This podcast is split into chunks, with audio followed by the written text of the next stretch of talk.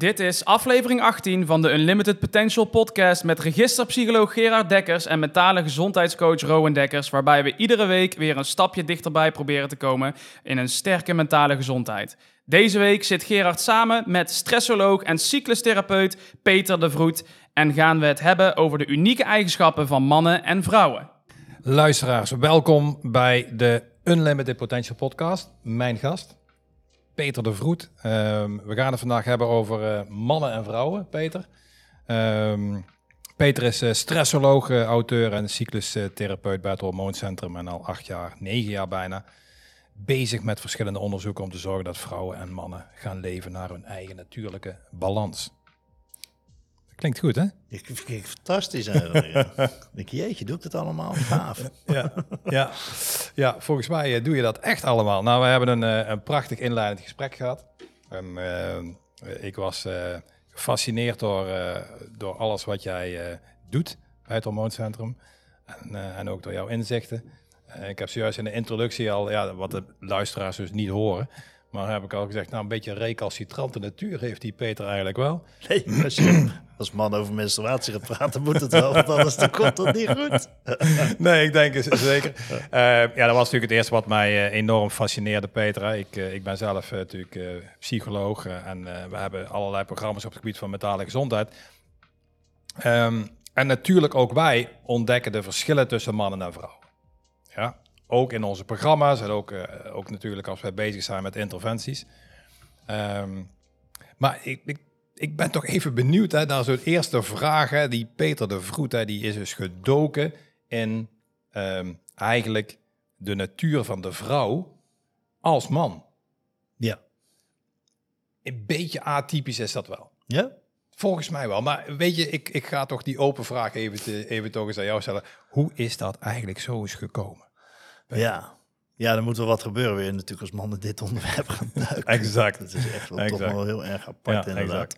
Um, ik kreeg um, ja, bijna negen jaar geleden dan een, een nieuwe vriendin. Okay. Leuke meid. Ja. De helft van de tijd. Um, dus meestal weer de zeven, acht dagen.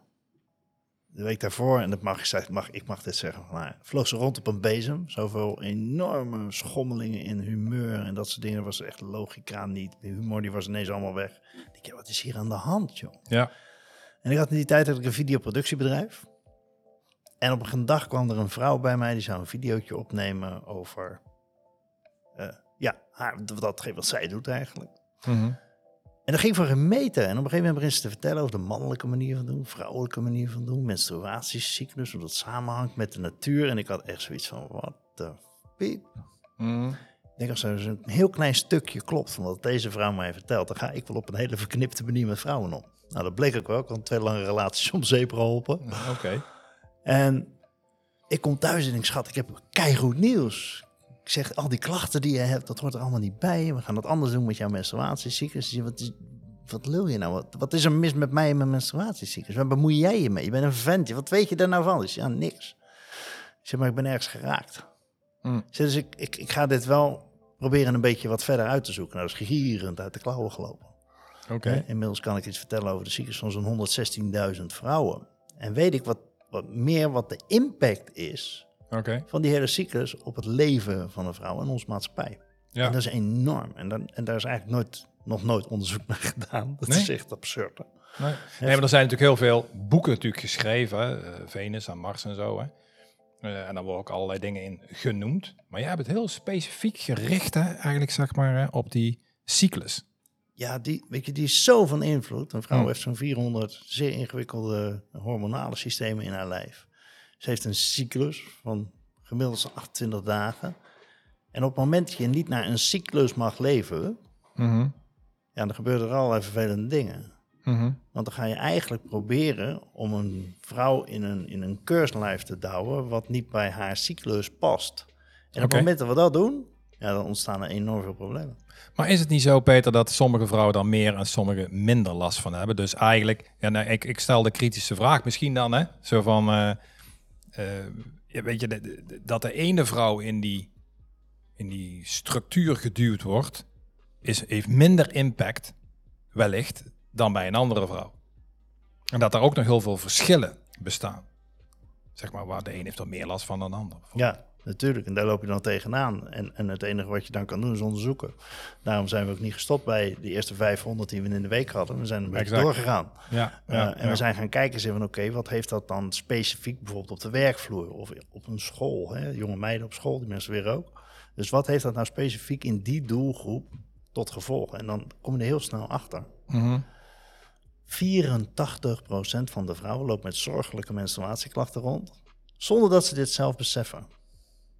Oké, Dus uit. 84% van de vrouwen heeft een, een, een vorm van aandoening bij haar menstruatie. In dermate veel klachten dat het gewoon haar leven beïnvloedt. Dat is best veel. Nou, dat vind ik eh, enorm veel. En als je het dan hebt over 84%, en je, maar je zegt er nog iets heel specifieks bij. Zonder dat ze het wellicht zelf Ja. doorhebben. Ja. Ja. En is er dan een... Want dat vind ik dan weer interessant als psycholoog. Hè? Want, want, dan, want dan gebeurt er blijkbaar iets in dat mentale systeem. Hè? Ja. Waardoor ze eh, die klacht die er eigenlijk is, hè, of, of dat effect wat er eigenlijk is, niet tot hun bewuste systeem laten doordringen.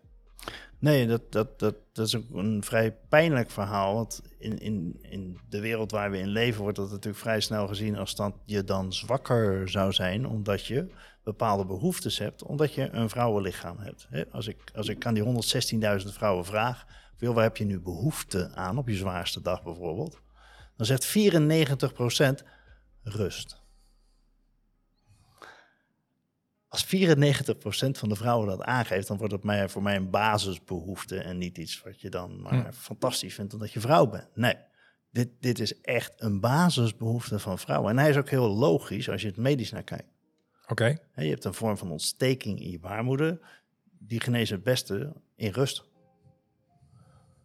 En als je dan maar doorgaat alsof er niks aan de hand is en of dat het een gewone dag is waarop je al die dingen wel aan kan die we van vrouwen verwachten, ja, dan gaat die batterij die raakt steeds meer uitgeput, omdat je hem niet meer oplaadt. Nou, dat vind ik interessant, hè? Want, want dan krijg je natuurlijk de situatie dat je eh, op die zwaarste dag, hè, zoals jij het noemt, 94% wil rust. Je zegt van eigenlijk is dat ook het beste om te herstellen van die maandelijks terugkerende situatie. Hè? Eigenlijk Ja, de, zeker. ja, ik, ik, ik zie uh, menstruatie ook altijd in relatie tot vruchtbaarheid. Mhm. Ja, dus ja, weet je, dat, dat, dat geeft je de Ja. mogelijkheid uiteindelijk ook om als vrouw ook kinderen te krijgen. Ik- Maar als je niet zou menstrueren, ga je ook nooit kinderen krijgen. Nee, klopt. Ehm, dus, eh, maar de meeste zitten natuurlijk in een werk- of structuursituatie. Ja, En die ene dag, zeg je eigenlijk een beetje, wordt niet getolereerd dat je dan aandacht geeft aan jouw vrouwelijkheid. Dat sowieso niet, maar er zit alweer wat voor. Weet je, we zijn in onze maatschappij helemaal niet gewend. Nog steeds niet. hè. Mhm. Eh, als we kijken, 100 jaar geleden mochten vrouwen nog niet eens stemmen. Eh, en toen in de jaren 50 heb je die vrijheid gekregen, die seksuele revolutie, weet je, met de pil Ja. uitgevonden. Ja. Dus vrouwen die konden in één keer meedoen in het leven, zeg maar. En we vonden het ook oké dat ze kwamen werken. Zeker. Alleen dan wel graag op een manier waarop wij mannen dat gewend zijn. Hè? Die man- mannenmaatschappij dat gewend is. Ja. Want anders dan snappen we het ineens niet meer. En als je dan in één keer gaat praten over hè, een dag vrij, hoe kom je daarbij? Ik vond het wel leuk. Ik had het met mijn moeder, ze is 88 inmiddels. Uh, gesprek over. Ze zei, Peter, ik snap helemaal niet waar jij mee bezig bent. Ze zegt, waarom geef je hier aandacht aan? Ik zeg, maar, maar hoe ging dat dan bij jullie? Ze zegt, ja, weet je, je deed een dag of twee wat rustig aan en dan ging het wel weer. Precies. Hé, hey, daar hebben we hem. Ja. Mijn moeder, die, die was thuis. Die- ik- Echt, ik raakte gewoon als kind in paniek als ze niet thuis was als ik uit school kwam. We hadden Ja. geen sleutel om ons nek of zo. Nee. En ehm, zij nam die rust. Mijn vader was aan het werk, wij zaten op school. En niemand eh, gaf daar aandacht aan wanneer zij wat rustiger aan deed twee dagen. Dus dat was een heel natuurlijk proces voor haar. Maar het leven van, de, van, van vrouwen vandaag de dag ziet er natuurlijk wel eventjes wat anders uit. Maar we hebben nog steeds ergens dat niet losgelaten van... ja, nou goed, weet je, die vrouwen hebben nergens last van... dus wat zou ons druk maken daarover? Ja. En, Ja. dat, en dat mag echt veranderen. Want als je nu kijkt dat zo'n 52% van de vrouwen één of meerdere chronische aandoeningen heeft. eh, wanneer je kijkt hoe moeilijk het wordt steeds meer dat vrouwen zwanger raken. Hè? In dat proces. Ja, volgens mij zitten daar nog meer haken en ogen aan. Nou, daar zit een enorm haak in. over. Ja, maar, nou, maar, maar jij zegt een beetje, want we, de, eh, onze luisteraars weten dat dit een soort, het is niet een keukentafelgesprek, hè, dat weten de mensen ook, maar het is wel een over en weer gesprek waarbij we proberen een klein beetje structuur te hebben, maar ook geprobeerd vol, vol erin en te kijken van, Ja. oké, wa- wat is jouw mening en wat is mijn mening?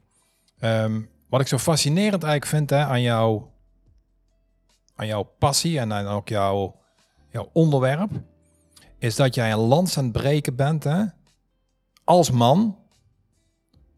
Natuurlijk met je team, maar, Ja. als, maar in dit geval even als, jij bent toch wel de voorvechter ehm, voor een hele specifieke situatie bij een vrouw. Maar eigenlijk vind ik dat je een maatschappelijk probleem aan de kaak stelt. Mhm.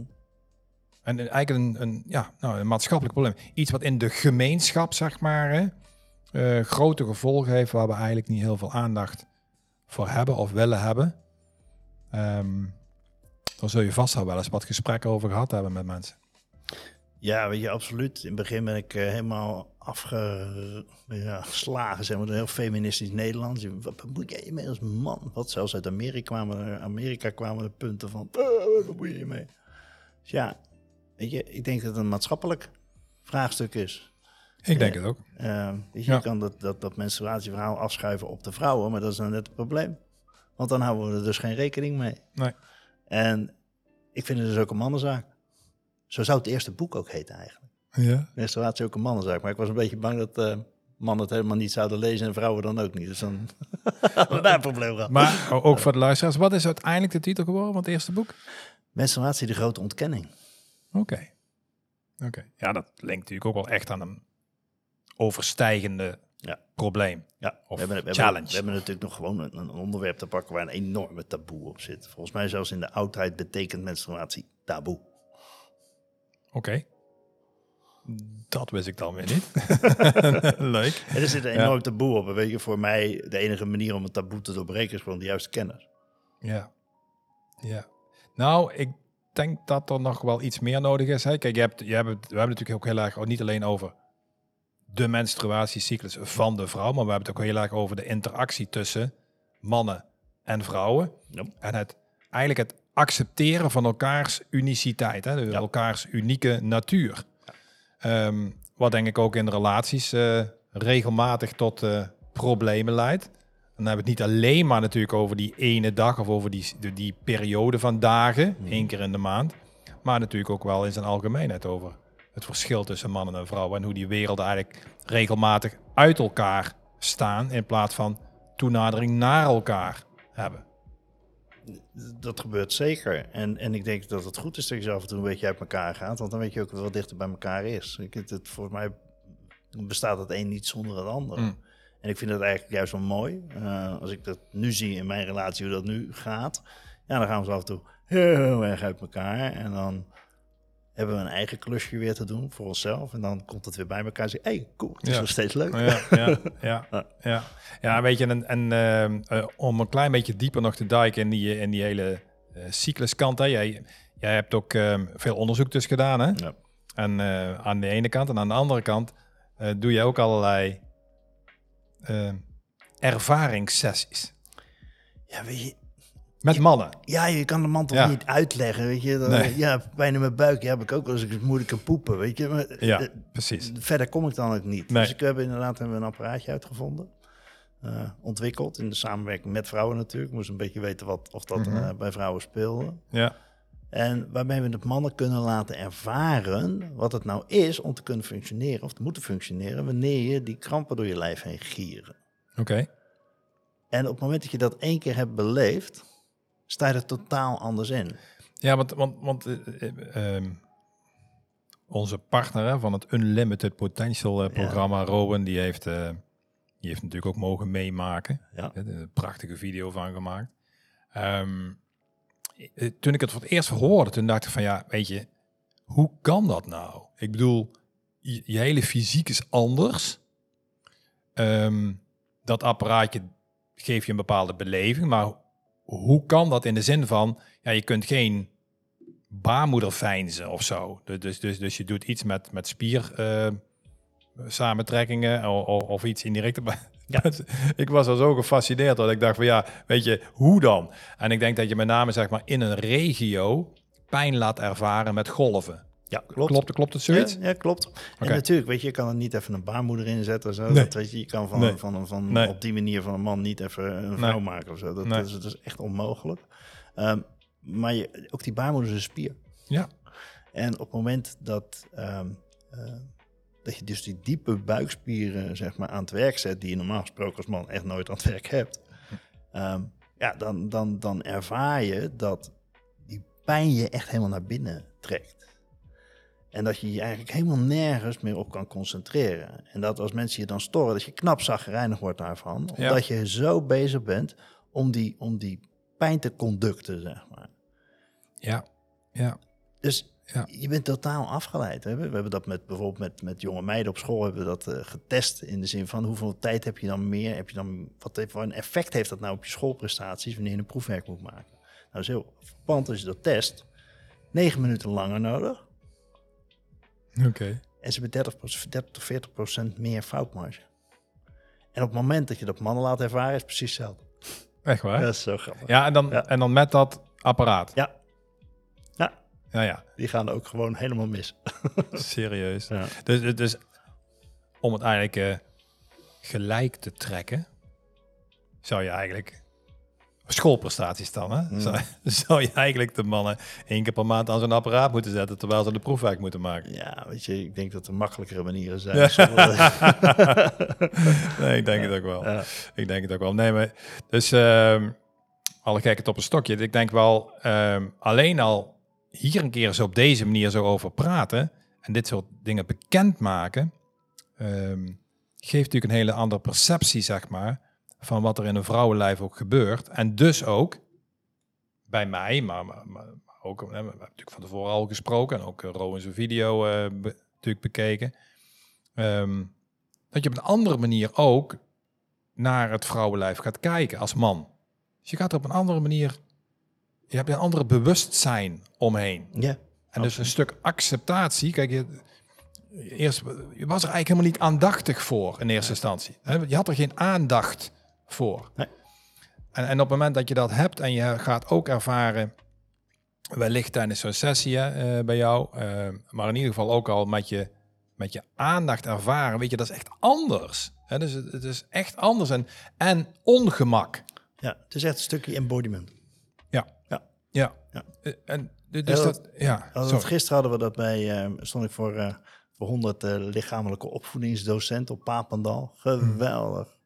Ehm, en die leren eigenlijk op school van, ja, weet je wel, die meiden hebben altijd wat te zeuren, gewoon doorgaan. Sporten is goed voor meiden als ze menstrueren. Nou, als er iets niet waar is, is het dat. Terug naar die ontsteking in je baarmoeder, die moet genezen. Met andere woorden, daar is je immuunsysteem mee bezig om dat te genezen. Heel Zeker. natuurlijk proces. Zeker. Niks mis mee. Nee. Natuurlijk proces. Nee, nou ga je sporten.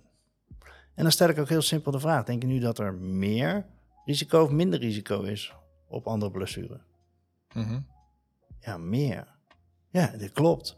Hè, daarom alle topsporters, steeds meer gaat het in de topsport, wordt het nu bekend. Van hé, hey, als je nou die zwaarste dag toch gewoon eventjes je rust neemt.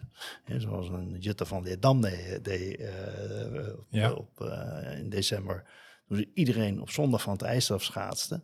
Zaterdag heeft ze haar absolute rust genomen in haar cyclus. Dat was de zwaarste dag.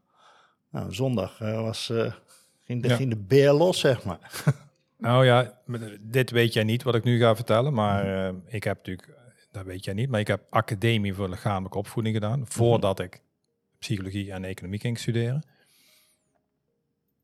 Ik kan geen seconde herinneren in die vier jaar studie dat dit überhaupt aan bod is geweest. Nee. Nul. Nee, klopt.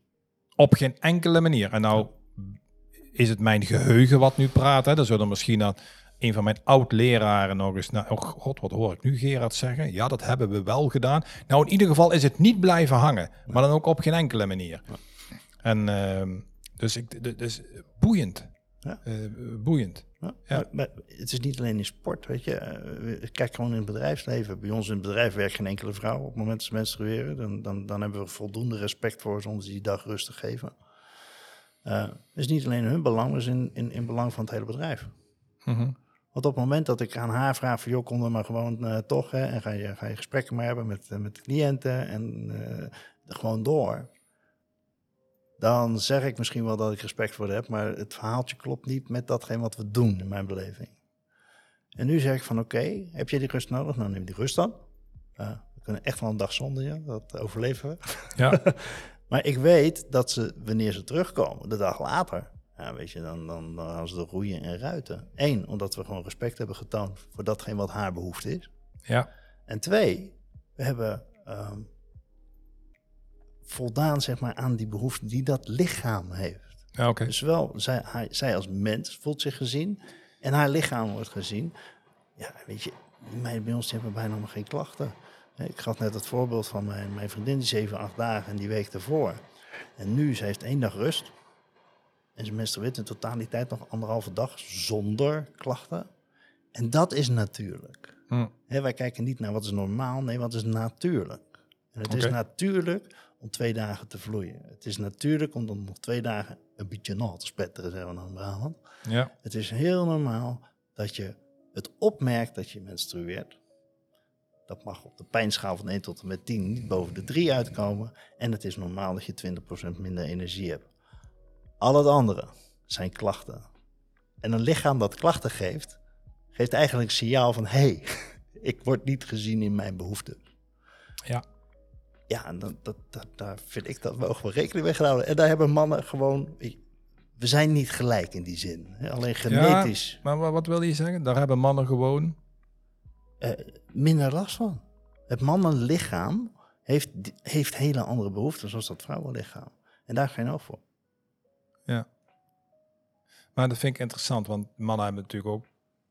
Ja, natuurlijk geen menstruele cyclus. Ja.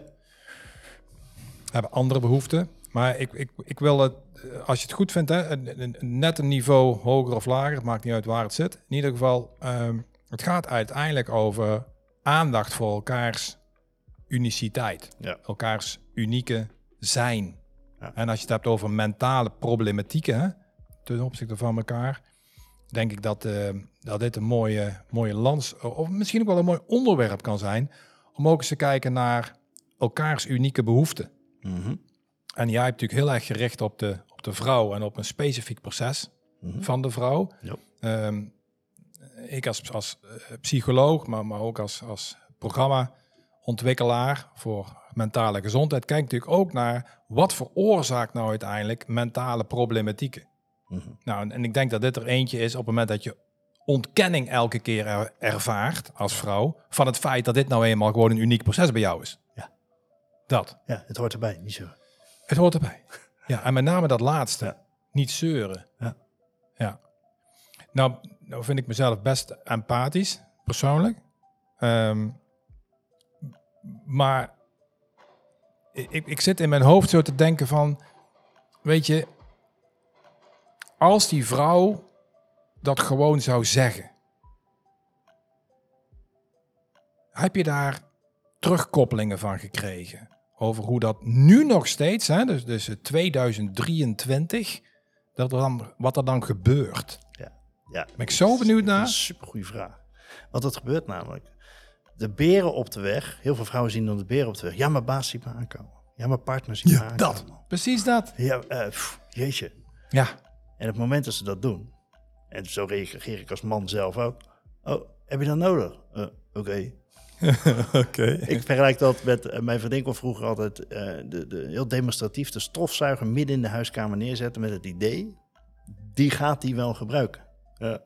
Er staat een stofzuiger ik kan er midden omheen. in de kamer. Ik kan, er gewoon overheen. En als die echt in de weg staat, dan schop Ja. ik hem in de hoek. ja, of ik zet hem eventjes weg. Ja, Ja, want hij stond in de weg, hè, toch? Ja. Die stofzuiger. ja. ja precies. Ja. En zij heeft dan zoiets dat zie je toch? Eh, ja, ik zie dat ding staan.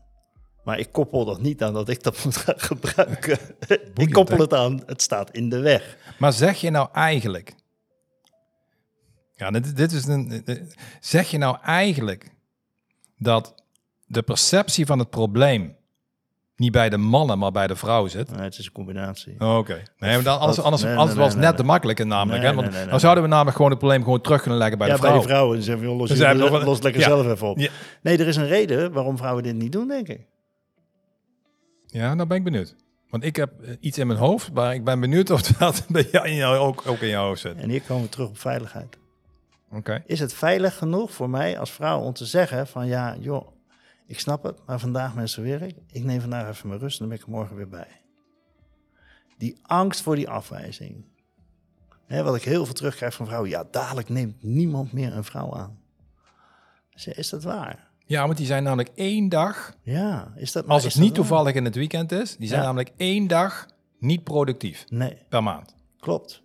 Ze zijn nu gemiddeld sowieso, en dat hebben we wetenschappelijk bewezen, hè, met, eh, tenminste aangetoond met, eh, met onderzoek dat we samen met Radboud gedaan eh, hebben. Ze zijn nu negen dagen gemiddeld inactief. Vrouwen. Ja. En is er ook onderzoek gedaan naar mannen? Nee. Nee, want dit, dit hing helemaal om die, om die vrouwelijke ziektes heen natuurlijk. Dat zou ik natuurlijk super boeiend vinden. Want ik denk dat er namelijk vrouwen, mannen eigen processen hebben, waardoor ze ook niet productief of minder productief zijn. Dat kan.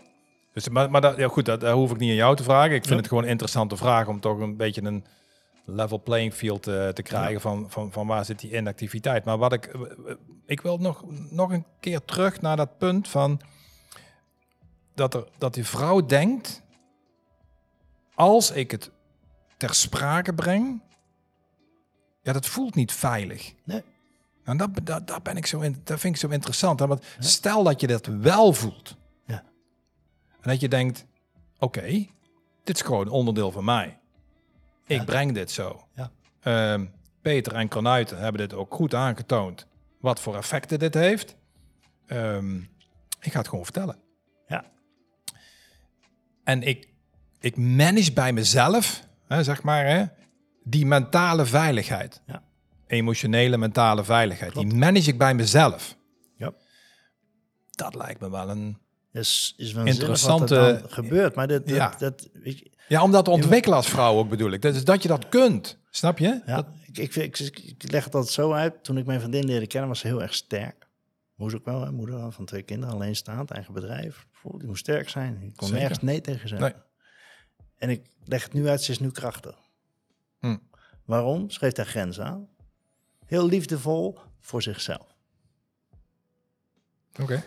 Ehm, en over je grenzen heen gaan. ehm, ik heb onderzoek gedaan naar 19.000 jonge meiden. En heb ik gevraagd van, joh, wat willen jullie nou van mij weten? Ja. Wat wil je nou leren? Wat, eh, wat anders dan Ja, ga dat. ik weer wat lopen vertellen. Wat willen jullie nou leren? Juist. Weet je wat nummer één antwoord Juist. was? Nee. Hoe ga ik om met onbegrip? Is de wereld op zijn kop, hè? Zo onveilig voelen die meiden zich op school. Ja, en, en, en dit is onderzoek geweest. Was het in Nederland? Ja, In Nederland. Ja. maar dat Ja. vind ik. eh, dus het waren Nederlandse Nederlands meiden. meiden. Ja. Leeftijdscategorie. 12 tot 19. Dus je wil zeggen, als die. Kijk, wij weten allemaal vanuit ontwikkelingspsychologie. Hè, dus als je in zo'n relatief jonge, jonge leeftijd. dit soort belemmeringen in je systeem ervaart. of in je mentale systeem ervaart. Hè, dat daar de basis gelegd is, zeg maar, hè, voor toekomstig gedrag. Ja, klopt. Sowieso is het zo hè, dat ehm, gedrag uit het verleden de beste voorspeller is van de toekomst. Ja. Sowieso al. Ja. Plus, en nou wordt het denk ik voor mij ook als eh, psycholoog nog boeiender. Het is ook zelfs de puberteit. Het is dus, dus de periode waarin je waarin je gaat ontdekken wie ben ik als mens Ja. En waarin kan ik gaan experimenteren, waarmee wel en waarmee niet. Wij weten allemaal dat het extreem belangrijk is dat je ook experimenteert. Veilig doen, hè, mensen. Maar, maar, het is super belangrijk in die puberteit dat je in veiligheid mag Ja. experimenteren. Ja. Ja? Als je dus niet gaat experimenteren met het vertellen wat, wat het bij jou doet, een menstruele cyclus, dan wordt dat een, ja, ik noem het altijd een afgesloten kamertje Mhm. in jouw systeem. Ja. En daar zit dan een Ja. af een deur en die is dan op slot. Ja. En met een beetje pech zit er een ketting om dat kamertje. Maar het is een essentieel iets. Ja, kom je niet meer aan, hè? Nee, En, en je had het zojuist, en dat, dat, dat, nou leg ik de link ook wel. Jij, eh, jij zei van, ja, een hele hoop weten niet dat ze er last van hebben. Zit in hetzelfde kamer. Zit in een kamertje. Je mag het niet vertellen, want dan ben je een zeiker. Je bent een zeikert, je mag het niet vertellen. Je, sowieso vinden we dat mannen en vrouwen eigenlijk een beetje hetzelfde zijn. Als we Ja. het hebben over werksituaties. Ja. Hè? ja, weet je, het moet allemaal gewoon hetzelfde zijn. Ongeacht Behalve het het feit, salaris dan. behalve het salaris wellicht, daar is er nog steeds wel een gaatje tussen. Maar eh, misschien die ene dag dat ze niet productief zijn. Eh, Maar dat is natuurlijk een boeiend onderwerp. Want wat ik zo gaaf vind van, van, eh, van jouw eh, onderzoek, maar ook jouw, jouw passie en, en jouw bedrijf, is dat we iets heel concreets hebben. Hm. Iets zeer concreets, waarmee we een tussen haakjes maatschappelijke revolutie kunnen ontketenen. En, en dat maakt het nog interessanter voor mij, dat er eigenlijk iets heel eenvoudigs aan te doen is. Ik- Klopt, maar ik zou om nog heel even terug te gaan naar dat, naar dat, naar dat kamertje met dat slot. Ja, Het is, als je over zo'n iets essentieels niet mag praten als meisje. Ja. Van jongs af aan. Niet over Ja. mag praten. Het Ja. mag er niet zijn hier in pak, pak eh, tampons en nou je kop houden. zeker. Als je over die essentie al niet mag praten. Hoe moeten zij dan dadelijk hun grenzen aangeven wanneer een jongetje te ver wil. Waar zij nog niet aan toe zijn op seksueel gebied bijvoorbeeld. Nou ja, ik denk dat dat, ik vind het, eh, het voorbeeld is natuurlijk een, voorbeeld uit, ja, Praktijk. Ja, uit de praktijk, wat we gewoon meemaken. Ehm, maar de basisattitude dat je in veiligheid Die is al, die is al weg. mag, ver, mag delen, mag vertellen wat er bij jou gebeurt. Ja.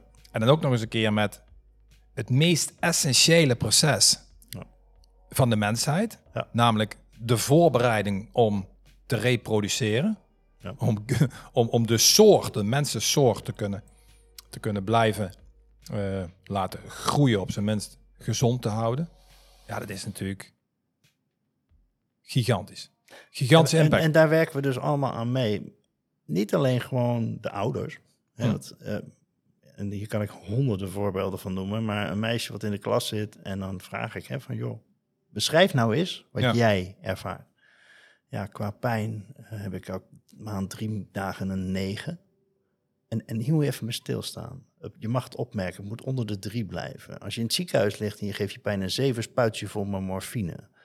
Maar ze was bij de huisarts geweest, joh, die hoort er gewoon bij. Waardoor mijn ouders zeggen van, joh, ja, nou, de huisarts zegt het ook, niet zeuren, gewoon naar school, het hoort erbij. Dat meisje wordt totaal niet gekend. En hier wordt zo'n enorme klap gegeven in de veiligheid Hm. van die jonge meiden. En dat nemen ze de rest van hun leven mee. En dat mag stoppen voor mij. Ja, wat, nou, ik, ik denk dat het een hele nobele passie van jou is. Hè? Ehm, om- omdat jij je er hard voor maakt, er energie in steekt, ermee bezig bent. En, en met alle dingen die innovaties zijn, hè? want het is eigenlijk een innovatie in, een- in een soort mentale mindset van de maatschappij, hè? Mhm. vind ik dit. Eh, ja, nou ja, goed, nou, whatever. Ehm, zo zie ik dat. Ja. Ehm, moet je investeren en moet je, als de passie je niet drijft voor zoiets, hè, en, en betrokkenheid, hè, dan, ja, dan kun je het vergeten. Want ja, weet je, dan, dan, dan, ja, dan, dan, is, dat, dan is iets nieuws brengen, Ja. ja, kansloos. Ja. Ja, dat ziet in jou, dat, alles passie, mensen kunnen het zien via YouTube. ik kan niet anders, ik moet dit doen. Zo is het. Ehm, ehm, ik vond dat die huisarts gelijk had. Het hoort er gewoon bij. Ja. Het hoort er gewoon bij. Maar dat het er gewoon bij hoort, wordt niet erkend. Dus hij had wel gelijk, het hoort er gewoon bij, zeg ik dan, vanuit mijn perceptie. Maar dat wil niet zeggen dat het vanzelfsprekend is. Of dat er geen rekening mee gehouden kan worden. Of dat er niet gewoon hele simpele methodes zijn. En want je hebt, ik vind jou, jouw aanpak en jouw idee is eigenlijk heel eenvoudig. Dus, dus geef aandacht op de meest zware dag van de maand. En, en in jouw geval is het advies dus rust. En eh, wat ook mooi is, is, is het voorbeeld van jouw moeder. Dat je zegt, ja, weet je, zegt moeders, ja, ik was gewoon thuis. En die ene deed het wat rustiger aan. Ja, niemand, geen aandesigner krijgen. Niemand. Nee. Maar vind je niet soms hè, dat het... ehm, hoe moet ik dat zeggen? Ik wil eigenlijk nog even terug naar dat stukje van het hoort er gewoon bij. Ja, ja, precies. Want het hoort er helemaal niet bij. Het is een natuurlijk proces. Haargroei ook. Doet ook geen pijn. Celvernieuwing is een natuurlijk proces. Doet ook geen pijn. Spijsvertering is een natuurlijk proces. Pijn hoort er nooit bij. Nee, en ik doelde op het feit dat je een menstruele cyclus hebt. Een- Hoort er nou eenmaal gewoon bij. Ja, En hoe meer je iets ontkent, hoe meer het gaat wringen. Ja. Dat weten we met alles. Ja. En, dus als je, en dan zeg je, ja nee, maar met, eh, met, dat zal niet zo op een fysiek systeem van toepassing zijn. Onzin, lieve mensen. Dat wat je ontkent, Ja. ja, dat wat je ontkent, doet uiteindelijk meer pijn. absoluut. Dus daar zijn we het wel mee eens. Ja. Eh, dus dat is de, de reden waarom ik het Ja, zeg. van, Ja, het hoort er gewoon bij. Ja, nee, het- het hoort erbij omdat het een onderdeel van je mensheid is Ja. als vrouw.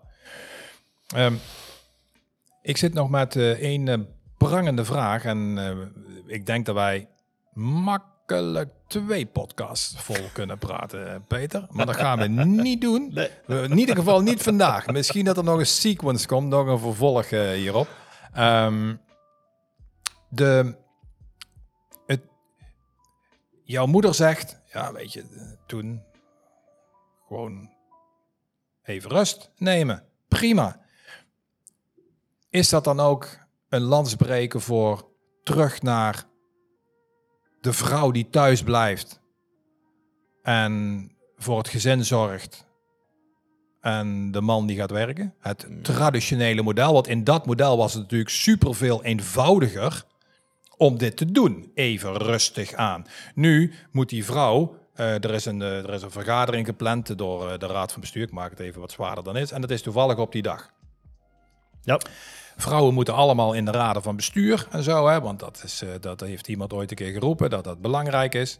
Eh, en ik kan het alleen maar onderschrijven, want ik denk dat, dat een vrouwelijke inbreng tussen al die, eh, al die eh Bokita-mannen, dat dat een goed idee is. Ehm, maar we stellen even de vergadering uit, ja, met de raad van bestuur en de raad van commissarissen, want ehm, de betreffende aandachtshouder van dit onderwerp zit in de zwaarste dag van de menstruele cyclus. Ja. Ja. Dat klopt. Ja. Mijn vriendin nog een enkele concessie. En waarom niet? Op het moment dat ze een concessie doet, dat is een concessie naar zichzelf. Direct is dat merkbaar in haar cyclus, dan gaat ze gelijk weer langer en dus zij draagt de ellende omdat we niet kunnen wachten. Zij heeft op die dag verlof, ik corvée. Zij hoeft niks, ik mag alles. En dat doe ik met alle liefde en plezier. Ja, Natuurlijk gaan we tegen dingen aanlopen binnen het bedrijfsleven. Ja, precies. Daar wil ik naartoe. Waarvan we zeggen van, oeh, hoe gaan we dit, Dit oplossen? doen. Ja, weet Ja. je, dit moeten we nou dus niet gaan invullen als mannen, vind ik. Nee. Dit moeten we aan die vrouwen overlaten. Heb je dat eens een keer gevraagd? Want ik, ik zou dit boeiend vinden. Ja. Dat, is, dat is echt een, een echte ja, geïnteresseerde vraag aan jou. Heb je dat wel eens gevraagd? Aan vrouwen eh, hoe ze dit dan zouden zien? Ja, ehm, eh, een van de oplossingen die, waar vrouwen dan mee komen, zeggen van, nou oké, weet je, als, als we dit nu met één of twee vrouwen extra doen, dit soort functies bekleden, dan hebben we geen problemen met zwangerschapsverlof, we hebben geen eh problemen met, met menstruatieverlof, indien dat nodig is. Ehm, en we hebben ook geen wat minder problemen met vrouwen die weer in de overgang gaan. Hè. Al die fases zijn natuurlijk verschillende en in die fases zijn er weer verschillende behoeftes Zeker. de oplossingen moeten we niet als mannen willen, willen, willen doordrukken. We moeten dat gewoon heel simpel vragen aan vrouwen hoe zij dat zien. Want de ene vrouw is de andere niet. Nee, De ene cyclus is de andere Nee. niet. De nee. dus Ja. laten we dat alsjeblieft niet gaan invullen voor vrouwen. En wil ik een lans breken voor de oude? Nee, natuurlijk niet. Zeker niet. Weet je, Nee, maar- wie ben ik om dat? Ja, even. Nou ja, één dat. De, ehm, eh, twee, als die vrouw ervoor zou kiezen om dat wel te willen. Prima, zeg jij dan? Tuurlijk. Prima, dan, kan dat makkelijker. Ja. Maar ook daar zit een soort stigma op. Mhm. En dus terug de keuze om dan ook te zeggen, nou weet je, ik kies er dan dus ook voor om niet in die raad van bestuur of commissaris of wat dan ook functie eh, te gaan, of in die functie te gaan waarbij, het, je 24/7, zeg maar, moet presteren elk moment van de dag. Dus we hebben Ehm. functies gecreëerd die niet geschikt zijn wanneer je een vrouwenlichaam hebt. Op dit moment. Maar waarom zou je dat niet om kunnen gooien? Ja, dat- ik, ik vind het veel interessanter om dat te verkennen. Ja. Kijk, weet je, ik- dat- hier zijn we nog niet over uitgesproken. Nee, nee. Zeker niet. En de maatschappelijke discussie is natuurlijk nog echt niet gedaan. Maar er zijn nog meer maatschappelijke discussies die niet gedaan zijn. En een van de dingen waar eh Rowan en ik ook, ook heel veel aandacht aan gespendeerd hebben, is dus de mentale gezondheid van jongeren. We weten dat een groot deel van die jongeren vrouwen zijn. De helft hè, ongeveer. Zeker. Dus, de- dus ook hier is het super interessant om ook heel, heel, heel structureel te kijken naar eh, waar komt dat nou uiteindelijk dan ook door dat die mentale gezondheid, zeg maar, het toch een, in één keer toch wel een neerwaartse spiraal heeft. En ik denk dat het te makkelijk is om te zeggen dat het allemaal met sociale media te maken heeft. Ja. Kijk, dit soort processen moet je, moet je echt naar kijken. Ik denk dat het kunnen en durven uit te komen voor jouw natuur. En dan hebben we het ook over andere naturen. En hier hebben we het over de, de essentiële vrouwelijke natuur. Ja. Echt, echt een hele grote groep. Andere groep mannen, vrouwen. Hele groep. Maar er zijn een hele hoop andere natuurlijk discussies die vanuit je natuur komen, die je graag aan, als onderwerp in een discussie zou willen brengen. Wat dus ook niet mag vanwege maatschappelijke dogma's. Mhm. Ehm, natuurlijk gaat het te ver voor vandaag. Maar, maar, maar daarom vind ik jou. Daarom vind ik jou. Jouw, jouw stellingname en jouw goed onderbouwde eh, manier van kijken naar dit probleem zo essentieel. Ja. Het is niet afzetten tegen, het is integreren in. Klopt. Hè? En dat vind ik, Ja.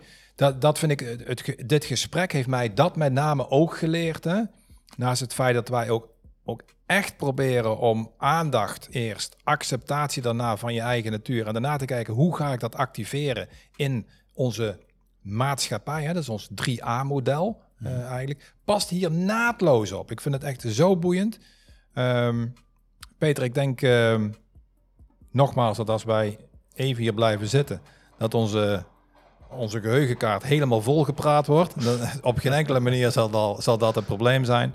Ehm, ik wil toch graag nog even op het einde jou het woord geven of je nog een laatste eh, woord, zinnen, iets wil vertellen nog aan onze luisteraars, zeg maar, eh, over dit, eh, deze prachtige passie en, eh, die jij hebt en, en jouw missie. Ja, dit, dit, dit, dit- dit komt al een paar keer zo nu binnen. Laten, we, laten we eens teruggaan naar leven in de vraag in plaats van in het antwoord. En laten we eens gewoon de vraag stellen aan vrouwen van... hé, hey, waar heb je nou behoefte aan? Stel nou, alles kan. Mhm. Het is hier gewoon echt fijn. Alles kan. Hoe zou je het dan invullen? Mm. Ja. En ik denk dat dat Mooi. absoluut bijdraagt aan een betere wereld. Peter, dank voor vandaag. Ik, eh, het was me waar genoegen. Eh, we zullen ook in de, in de comments, eh, luisteraars, nog wat gegevens inzetten die, waardoor je daar bij, bij Peter en het hormooncentrum uit kunt komen. Ehm, je kunt daar eh, allerlei dingen vinden op de website, Peter, op hormooncentrum.nl. Ehm, ga daar vooral naartoe. Ik, ik nodig je uit om dat zeker te doen. Ehm, en ik, ehm, nogmaals, dank ik je hartelijk voor vandaag. Ehm, en ik weet zeker dat onze paden zich nog gaan kruisen. Lijkt me leuk. Dankjewel. Dankjewel. En vooralsnog, eh, beste luisteraars, wat zeggen wij altijd als wij eh, stoppen met deze podcast? eh, durf te dromen, dare to dream.